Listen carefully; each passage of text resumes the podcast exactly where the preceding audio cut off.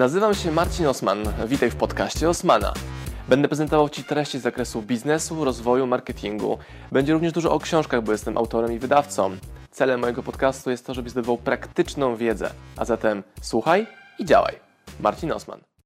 A teraz idziemy do hali mirowskiej, do restauracji Edred, gdzie zjemy obiad razem z Grześkiem Kłosem, który jest właścicielem restauracji Edred i spędzimy tam również pół dnia pozostałe na rozmowach z naszymi gośćmi.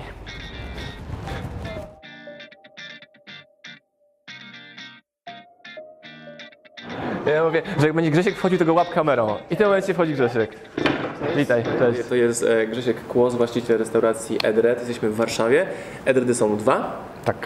I będziemy dzisiaj rozmawiali przy okazji jedzenia, posiłku, temat e, biznesu, restauracji, a nie tylko. Czy to będzie taka szersza wersja rozmowy, jaką mieliśmy wcześniej. Będziemy pewnie też mówili o inwestycjach, tym, że robiłeś emisję u siebie, zbierałeś em, partnerów biznesowych, internautów, którzy pomogą Ci Twój biznes rozwinąć. I o tym będziemy dzisiaj rozmawiali. I tę rozmowę robimy właśnie przy stole, żebyście również mogli zobaczyć jedzenie edredowe. I ja je będę w Waszym imieniu testował.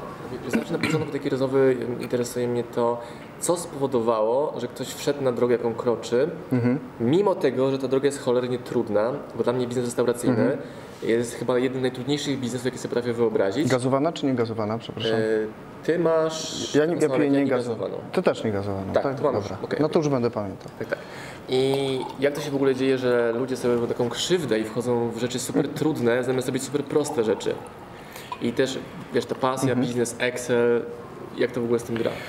To wtedy trzeba się cofnąć nie do otwarcia EDA, tylko do otwarcia mojej pierwszej restauracji, czyli Mhm. do roku 2000, 2000. Pizzeria przy ekonomicznym Tak, Krakowie. pizzeria przy Akademii Taka Ekonomicznej buda w 4 na 4 Krakowie. dosłownie, czy coś większego już było? Troszkę większe, troszkę większe. Lokal miał około 50 metrów pierwszy. Natomiast e, kompletnie nieromantyczna historia zrodzona z pasji do jedzenia, e, tylko czysto jakby pragmatyczny wybór e, Na czym związany można zarobić? na czym można zarobić i na co Stać się, żeby- stać mnie było, żeby, żeby otworzyć, tak? E, Bo miałem bardzo mały budżet, nawet na ówczesne czasy mieliśmy z moją byłą żoną 40 tysięcy złotych, tyle nam zostało po jakichś tam prezentach ślubnych. Byliśmy bardzo młodzi, skończyliśmy dopiero co studia. Mm, e, e, Dominika jeszcze kończyła studia, a ja urodziło nam się małe dziecko, a ja poszedłem do pracy w banku. No i mimo, że to była centrala banku i w ogóle dosyć dobre perspektywy były przede mną w kontekście dalszego rozwoju, e, to czułem, że jestem bardzo nie w tym miejscu, gdzie powinienem być. E, mm, Zawsze wydawało mi się, że jestem osobą bardzo niezorganizowaną, czy wręcz leniwą, a jakby w banku zrozumiałem, że to nie do końca o to chodzi. Chodzi o to, że ja bardzo nie lubię mieć przełożonych. I w momencie, kiedy taką mam jakąś niepokorną naturę, w momencie, kiedy ktoś mi mówi, że mam to zrobić, a nie daj Boże, mówi mi, że mam coś zrobić, co jest bez sensu, co akurat w centrali y, korporacji się dość często zdarza, to we mnie rodzi się bunt, który skutkuje lenistwem i więcej czasu poświęcam na, i energii na to, jak się z tego wymigać, niż de facto to zrealizować. To mam do Ciebie pytanie, Mhm. bo ja jestem przedsiębiorcą od zawsze, ale miałem raz taki epizod, że brałem udział w rekrutacji do korporacji Mars, byłem Mhm. na Assessment Center i oczywiście nie przyjęli mnie na ten program menedżerski i w feedbacku dali mi następujące informacje, że jak była grupa, to wybierałem sobie najmocniejsze jednostki z grupy, którymi szybko rozwiązywałem zadanie. I to był minus z ich, z ich e, wiesz, Mhm. Oceny. tak. No bo myślałem sobie, jak można inaczej robić? Znaczy, mam- musieliby cię od razu na dyrektora zatrudnić. tak. I podobnie to widzisz, że przedsiębiorca sobie identyfikuje zasoby, za pomocą których może szybko jakiś cel zrealizować i wszelkie utrudnienia, jak na przykład w Twoim przypadku przełożony, który nie kuma, że tam wcale nie trzeba tych papierów drukować tyle, żeby cel osiągnąć i tak każe to zrobić? No, Myślę, że tak, aczkolwiek do tej drogi, którą najprościej można nazwać delegowaniem odpowiedzialności, do tego punktu dotarłem trochę później w sposób taki świadomy. Przez to, że jednak zabrakło mi e, doświadczenia, które nie jest też złe dla ludzi, którzy chcą być przedsiębiorcami, czyli pójść na przykład na jakiś czas, może niekoniecznie do korporacji, bo tam te struktury są jednak zaburzone, ale popracować dla kogoś, żeby się przyjrzeć, popatrzeć jakie kto popełnia błędy i na nich jakby e, uczyć się no to jakby u mnie to wszystko poszło na żywioł, tak? Po prostu zaryzykowałem, otworzyłem e, pizzerię, nie znając w ogóle jakby biznesu gastronomicznego, uznając, że jest e, w odpowiednim miejscu, mam grupę docelową, bo chodziło o studentów Akademii Ekonomicznej.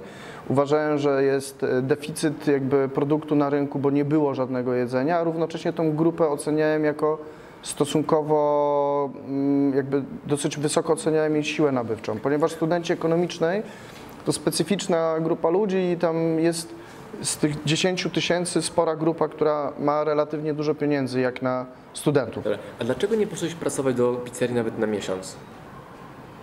No, Znaczy inaczej, ja w pizzerii pracowałem w czasie studiów, rozwoziłem w Londynie pizzę. I to jest mega ważne, Tak. bo to brzmi trochę, a wymyśliłem sobie pizzerię, machnąłem pizzerię. Nie, miałeś doświadczenie w tym temacie już.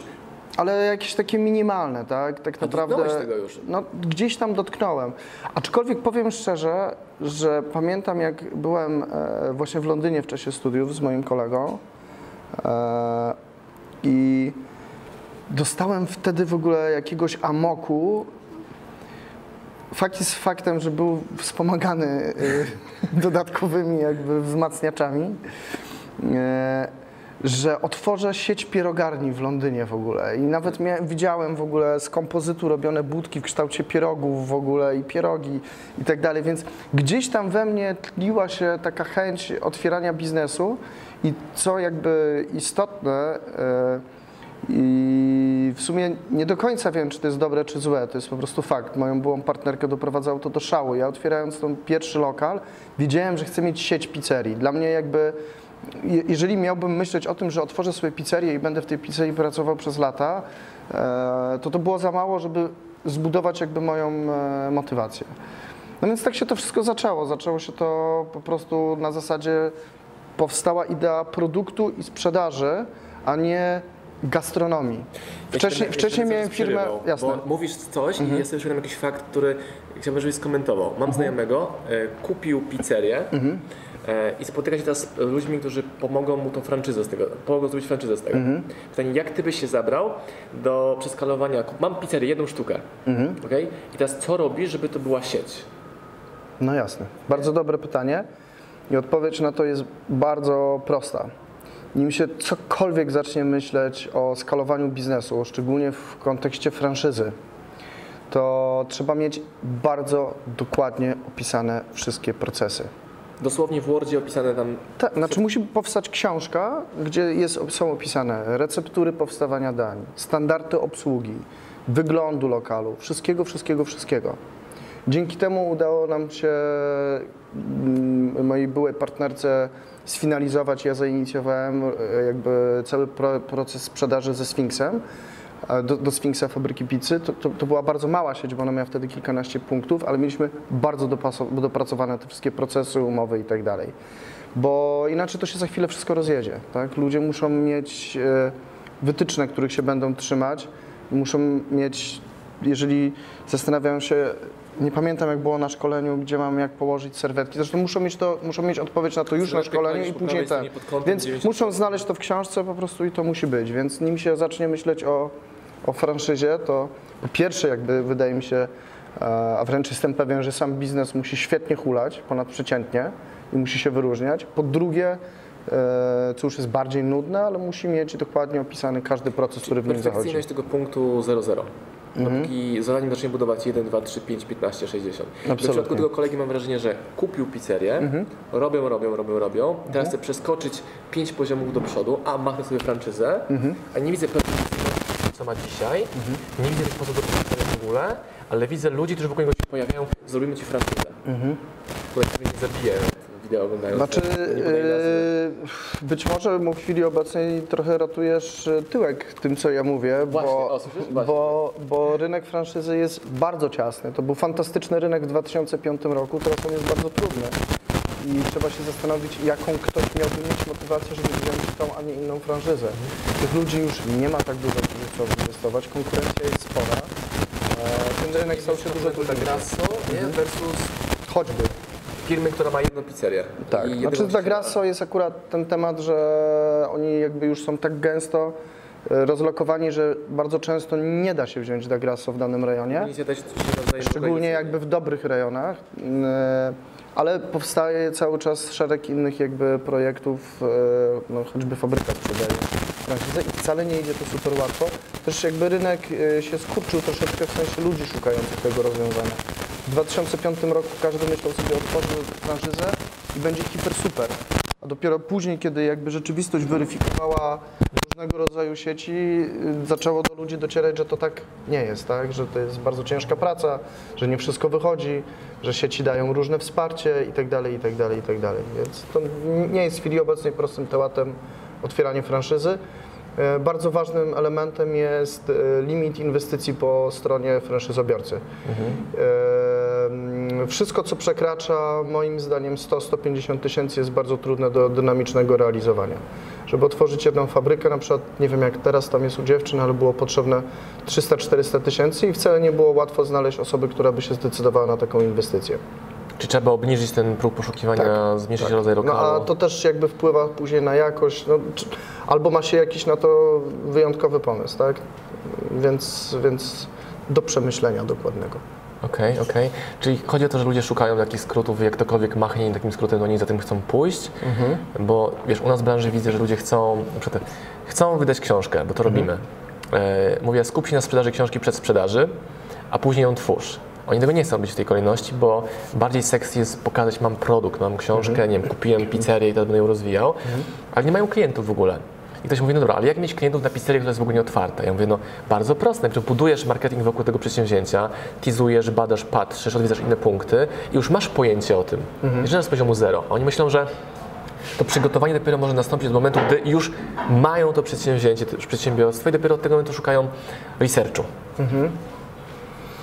Znaczy jeszcze w branży gastronomicznej jest ta trudność, że znaczy mi się wydaje, że warto ten biznes wpierw samemu zbudować, choćby po to, żeby nabyć e, bardzo szeroki wachlarz kompetencji, który towarzyszy prowadzeniu biznesu restauracyjnego, bo później franczyzobiorca będzie wracał z tym, szczególnie jeżeli ta książka procedur nie będzie tak dokładnie przygotowana, ale i tak będzie dzwonił i pytał.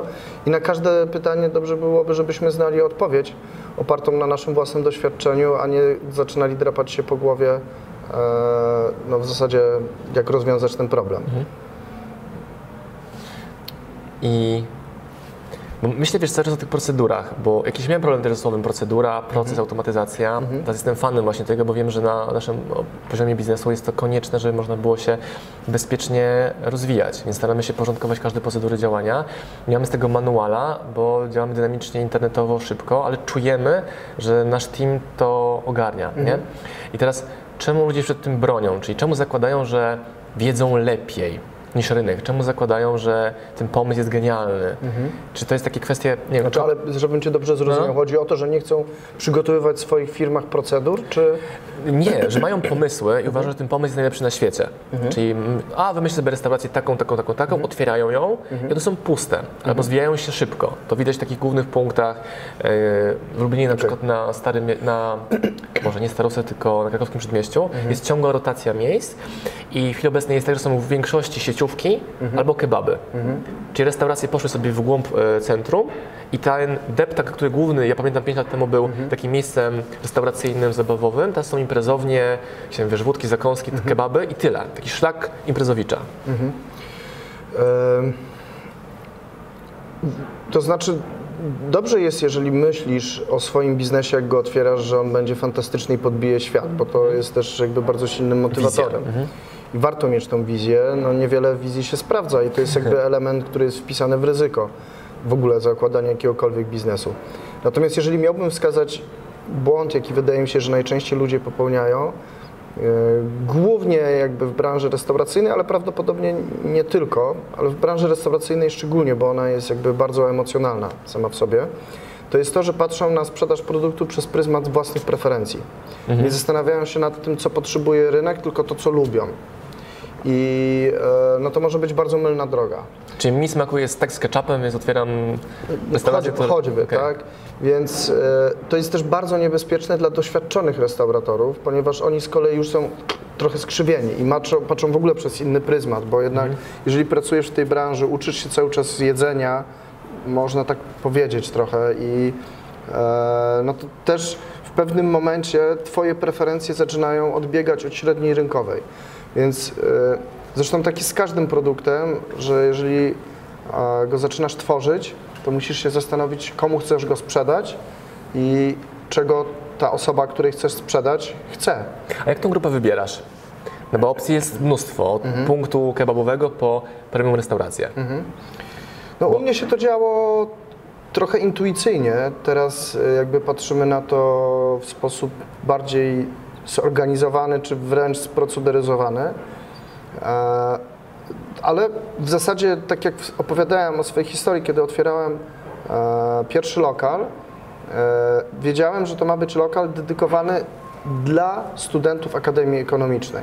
10 tysięcy ludzi jakby zebranych na stosunkowo małej przestrzeni, czyli łatwo do nich dotrzeć jakby pod kątem marketingu, e, którzy nie mają produktu takiego.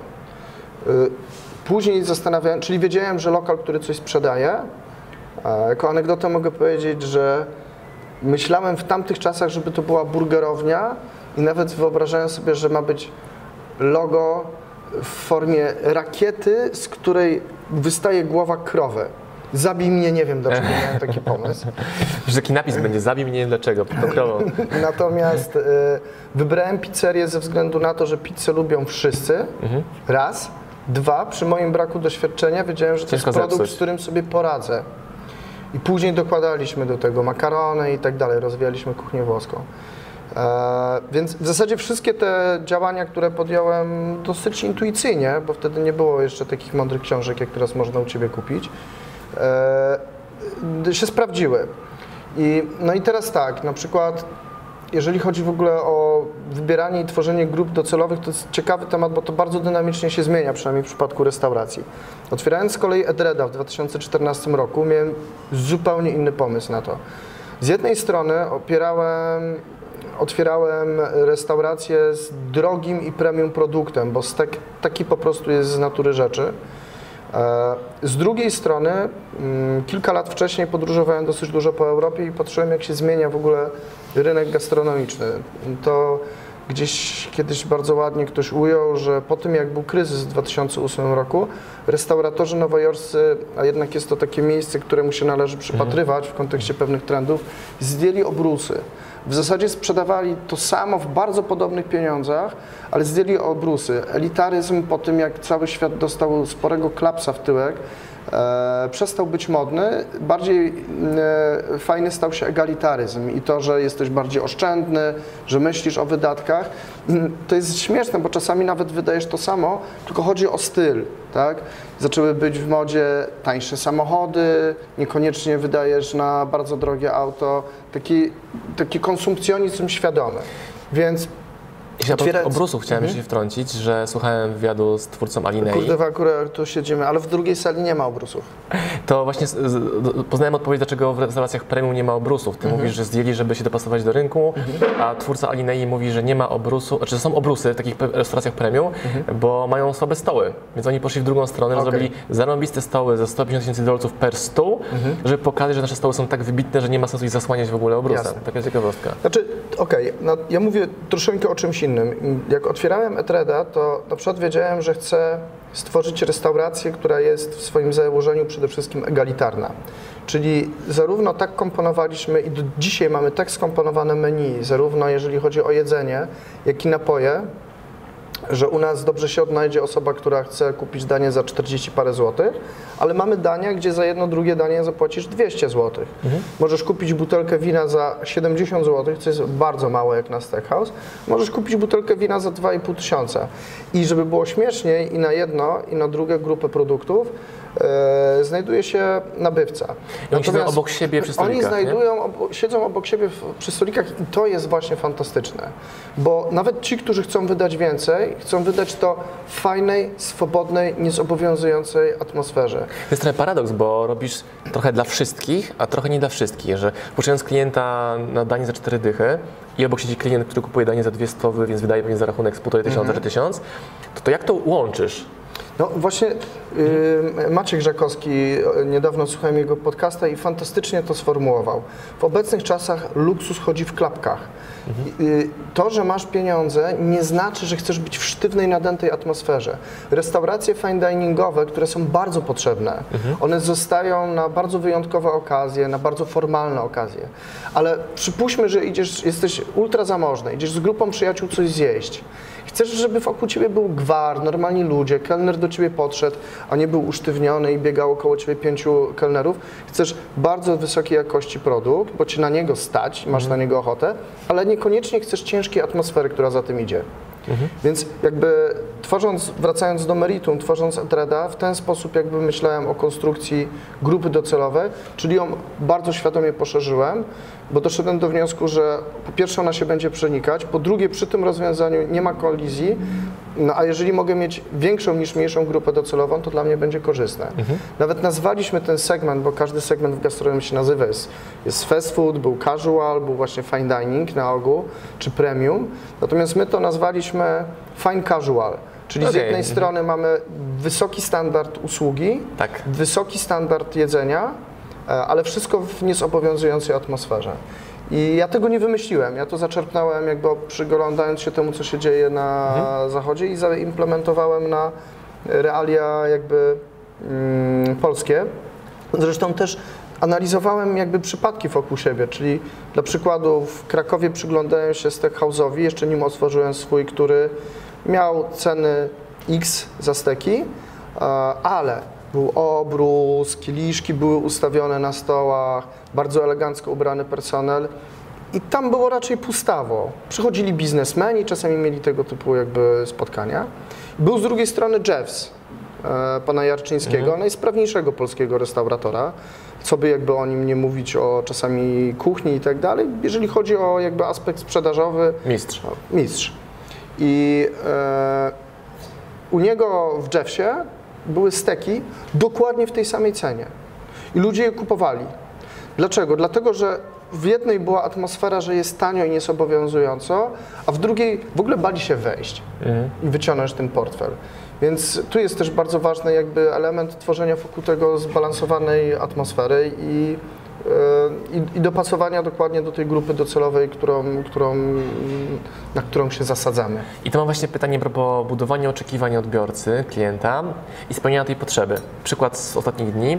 Zobaczyłem na Instagramie reklamę restauracji w Lublinie, gdzie której nie byłem i było rewelacyjne zdjęcie, nawet je pokażę, mam print screen. E, rewelacyjne zdjęcie śniadania, z góry piękne zdjęcie. Mówię, dobra, jestem w targecie, dobre zdjęcia, znaczy ze zdjęcia wyglądam super, fa- fajnie to wygląda, idziemy do nich. Dwa dni później, czyli wczoraj, byliśmy u nich na tym śniadaniu, mówię, to dokładnie to samo zobaczyłem na tej reklamie, dokładnie to samo. I zrobiłem zdjęcie tego, co przyszło. No była różnica. To była prosta szakszuka śniadaniowa To często. No. i była różnica. I teraz dalej. Danie było poprawne, było ok. Teraz oni wzbudzili we mnie oczekiwanie, że w tym miejscu jest lepiej niż to, co dostałem. Bo Gdybym wiedział, jak jest naprawdę, nie cisnąłbym w ogóle żadnych, żadnego hejtu z nich, tylko okej, to nie jest miejsce dla mnie. It's not for everyone, nie? To nie jest dla mnie. Ale skoro jest tak dobra reklama, tak piękne zdjęcie, to dadzą mi podobną jakość jedzenia i obsługi. Nie było ani tego, ani tego i tam więcej nie pójdę. Czyli oni ściągnęli niewłaściwego klienta. Więc jak na to uważać też w komunikacji, żeby ściągać właściwych albo tych, którzy przyszli przypadkowo, przejmować. Znaczy, ja byłem do uratowania. Gdybym był dopieszczony tam albo wciągnięty w rozmowę, dobra, czy się podobało, nie podobało, la la la, to może byśmy z tego wyszli dalej w relację. No, za- zapytałeś, jak y, tego unikać? No myśleć. No. No dobra, a teraz ob- instrukcja obsługi myślenia. Jakby co to znaczy myśleć? No analizować dobrze, no trzeba przewidywać, no wiesz, jakby jedna decyzja, trzeba przewidywać konsekwencje swoich decyzji, choćby takie, żeby na przykład nie przedobrzyć, tak? Poza tym też trzeba pamiętać, że grupa docelowa może ewoluować w trakcie życia lokalu. My jednak na początku byliśmy zdecydowanie bardziej e, nastawieni, bo to było dla nas bezpieczniejsze, na tego klienta nieco mniej zamożnego. I dopiero jak zobaczyliśmy, że przychodzi do nas dużo biznesu, że faktycznie przychodzą goście w gajerach i mieliśmy na przykład na początku kartę win na 30 pozycji, tak, 30 indeksów.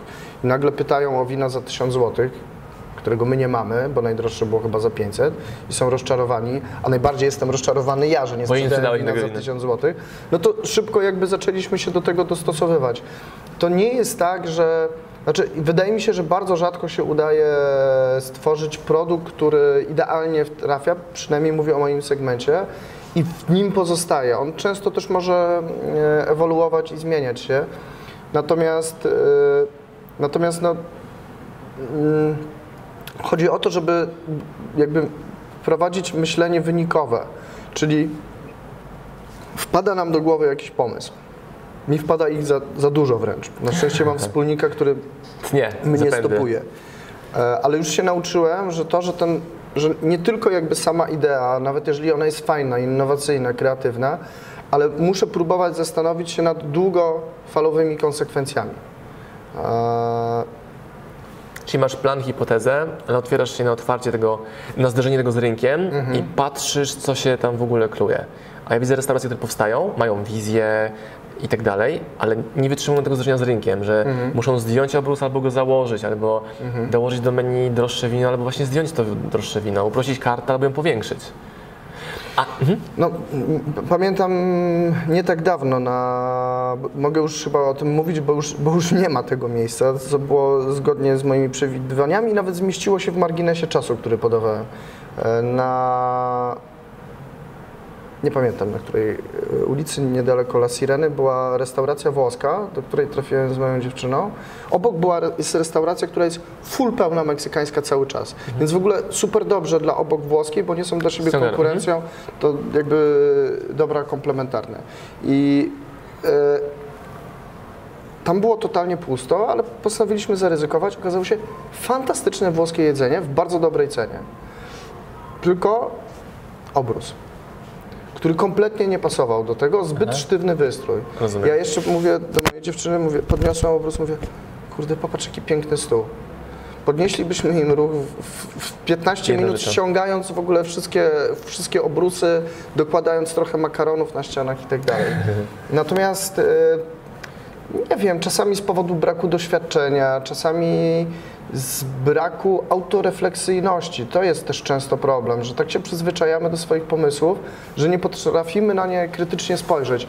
A to jest bardzo ważne, uważam, dla każdego przedsiębiorcy, bo wszyscy popełniamy błędy i one są konieczne. My się na nich uczymy, my się na nich rozwijamy, a, ludzie się trochę czasami blokują, żeby sobie powiedzieć, spieprzyłem. Wiesz co, a mi wychodzi, że chodzi, wychodzi, że chodzi, chodzi o ego według mnie. No to jest bardzo że, mocno z że tym muszę związane. powiedzieć, że okej, mój pomysł kurna nie działa. Mhm. Musimy założyć obrus albo zdjąć obrus, nawet jeżeli to były najdroższe obrusy wy- wyprodukowane w tej części świata. Mhm.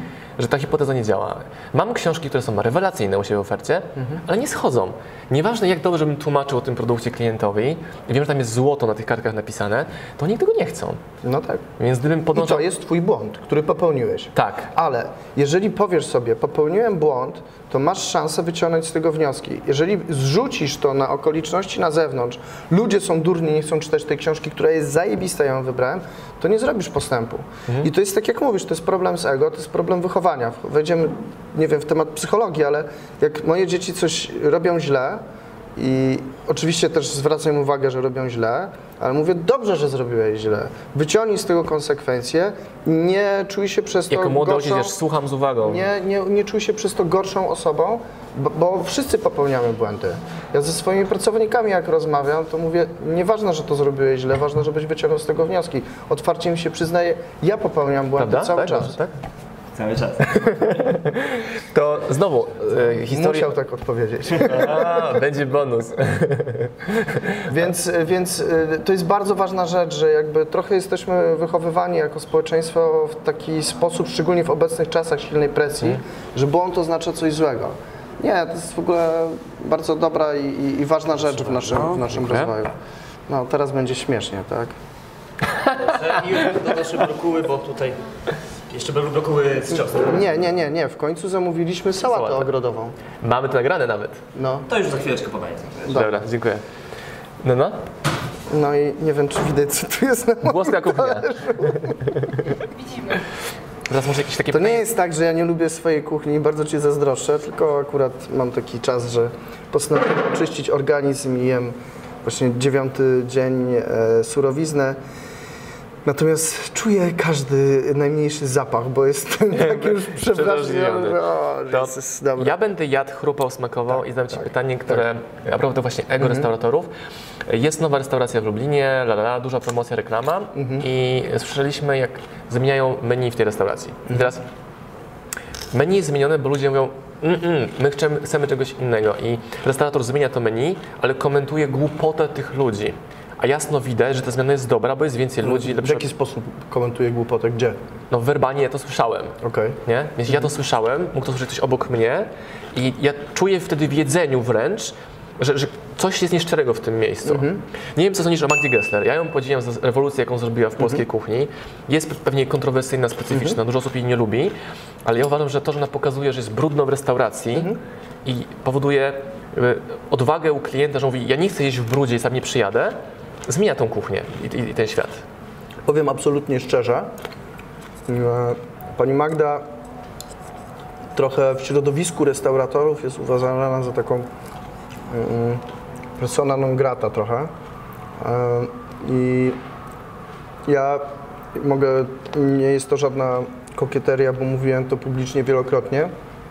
Mam bardzo duży szacunek do tego, co robi i jakby funkcja, którą pełni pani Magda Gessler ze swoimi mm, rewolucjami e, mm, kuchennymi jest, e, jest niezmiernie ważna, ponieważ trzeba pamiętać, jakby do kogo ten program jest dedykowany, kto to ogląda i na jakim etapie rozwoju gastronomicznego jest.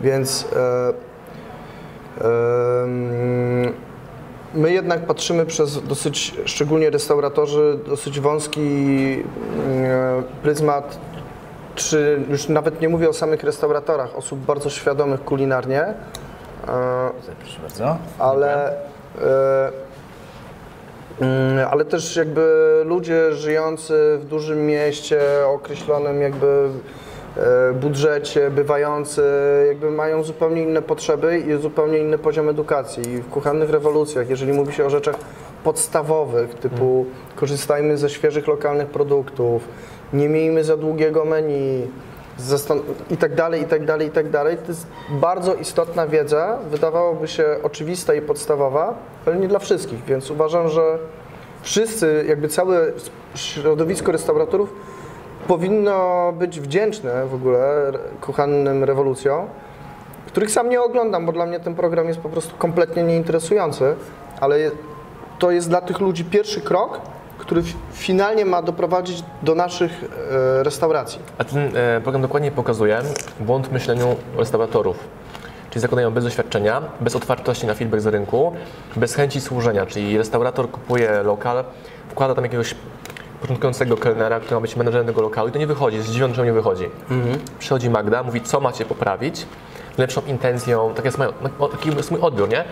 A jeszcze musi walczyć z tymi ludźmi, żeby oni chcieli wdrożyć to, po co zaprosili ją do tego miejsca. Znaczy, nie chcę wnikać dokładnie jakby w stylistykę całego programu i show, sposób oczywiście, narracji, ale oczywiście. uwielbiają Polacy kontrowersje i żeby ktoś na kogoś się wydarł i żeby był płacz. E, natomiast jako, i to nie zawsze też działa, umówmy się, to co pani Gesser robi, nie wszystkie rewolucje są udane. E, ona nie ma patentu, jak zresztą nikt na, na, na sukces, chociaż są też tacy jednak w tej branży, którym zawsze wszystko się udaje.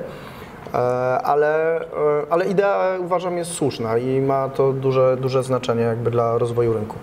No, jedynym miernikiem sukcesu biznesu są klienci i czy na koniec dnia jest więcej w kasie niż z niej wyszło. Znaczy, bo cię nie. Nie jest O. ilość klientów miernikiem sukcesu. Miernikiem sukcesu, jak w każdym przedsiębiorstwie, jest zysk. Tak. I tyle.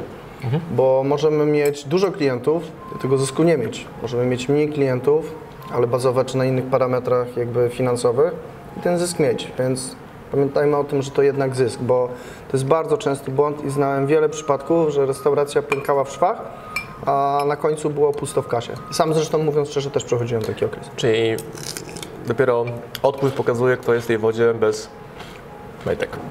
No dobra. A powiedz mi, co sądzisz o tych mm, promocjach w stylu śniadanie za 10 zł? Popularne w restauracjach warszawskich. Mhm. Fantastyczny, chyba zaczęło to Aioli. Fantastyczny zabieg na ich grupę docelową. No. Oni na tym nie zarabiają, może nawet dopłacają, natomiast to jest marketing. Tak. Powiem więcej, ja w swoim segmencie po, po, po, jakby wykonuję podobne zabiegi. To znaczy? Tydzień temu wszedł homar, który jeżdżę, który w normalnej ofercie jako dodatek jest y, za 29 zł do steka. Czyli jak na świeżego homara zrobionego na maśle homarowym, mam nadzieję, że Ci smakuje. Jest rewelacyjne. Klasyczne połączenie surf and turf. Jest to bardzo, bardzo tanio.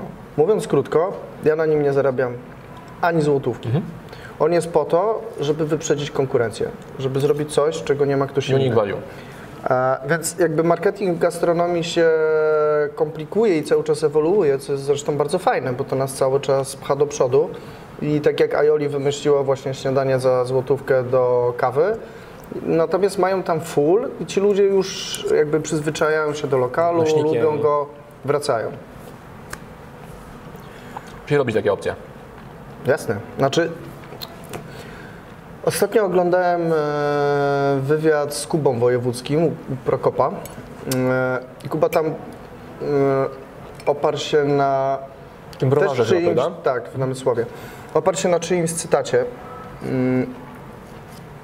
I powiedział mega fajną rzecz, która zresztą mnie zainspirowała też do tego, nad czym pracuję w chwili obecnej pod kątem naszego Instagrama.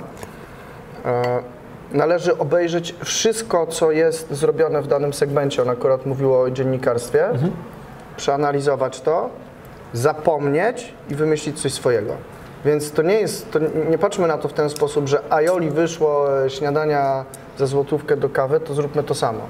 To może być pewien kierunek myślenia, ale starajmy się być jednak w tym w jakiś sposób kreatywni, chociaż czasami odgapianie jeden do jeden też potrafi zadziałać. Jestem fanem właśnie takich przykładów z innych branż, czyli my na przykład mamy ofertę, w którym książka za złotówkę. Jeśli jest książka super wartościowa, dana przez konkurencję, bierzemy ją do nas, dopłacamy do każdej książki tam 20-30 zł. Klient ją może mieć za złotówkę, pod warunkiem, że kupi 3-4 książki u nas inne. I często te słupki piku sprzedaży, które wpadają po takiej promocji, są szokujące dla nas, tak bardzo wysokie. Bo oni zobaczyli, hej, za złotówkę i tak ją chcę, muszę kupić inne książki. I tak chciałem, więc te call to action tą książką jest zrobione. I w ogóle kosmos. Ludzie się dziwią, jak możemy złotówkę książkę oddawać.